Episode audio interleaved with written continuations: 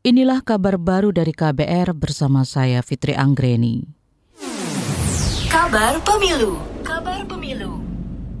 Calon Presiden nomor urut 03 Ganjar Pranowo mendesak Komisi Pemilihan Umum KPU menyatakan pengakuan bahwa sistem informasi rekapitulasi elektronik Sirekap adalah sistem yang gagal. Pernyataan ini disampaikan Ganjar sesudah dua partai politik, yaitu PDI Perjuangan dan PKS, mengirimkan surat ke KPU.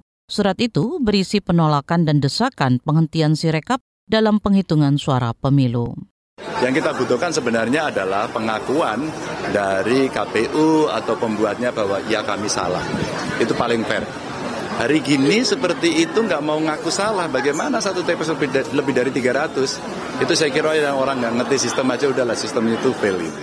Calon Presiden nomor urut 03 Ganjar Pranowo menambahkan banyak ditemukan kesalahan mendasar dari unggahan Sirekap. Ganjar mencontohkan unggahan Sirekap yang menunjukkan penggelembungan suara.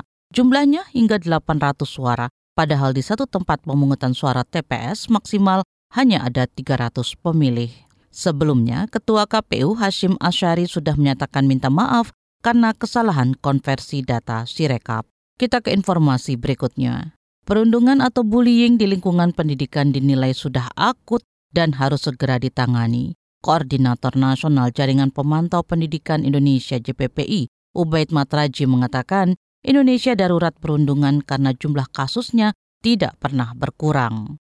Kenapa ini terus menjadi tren ya, tren di mana-mana? Ya? Karena kita tidak punya uh, sistem yang cukup kuat untuk bisa bagaimana melakukan pencegahan, bagaimana bisa melindungi uh, pelapor atau korban, bagaimana sistem penyelesaian uh, masalah kekerasan di sekolah. Kita nggak nggak ada sistem yang cukup bisa dilaksanakan di sekolah atau di lapangan itu bisa terjadi. Gitu.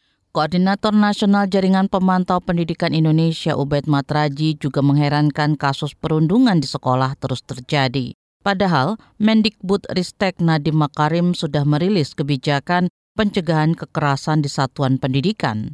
Bila perundungan tidak dihentikan, Ubed percaya target Indonesia Emas 2045 pasti gagal. Kasus perundungan yang tengah viral saat ini terjadi di SMA Bina Nusantara, Binus Serpong, Tangerang Selatan, Banten. Kemendikbudristek dan KPAI kini tengah mendalami kasusnya. Kita ke berita luar negeri. Misi bantuan PBB di Afghanistan UNAMA kemarin menyambut keputusan pemerintah sementara negara itu yang membolehkan perempuan lulusan sekolah menengah melanjutkan studi ke perguruan tinggi negeri kedokteran. Keputusan ini berlaku mulai bulan depan.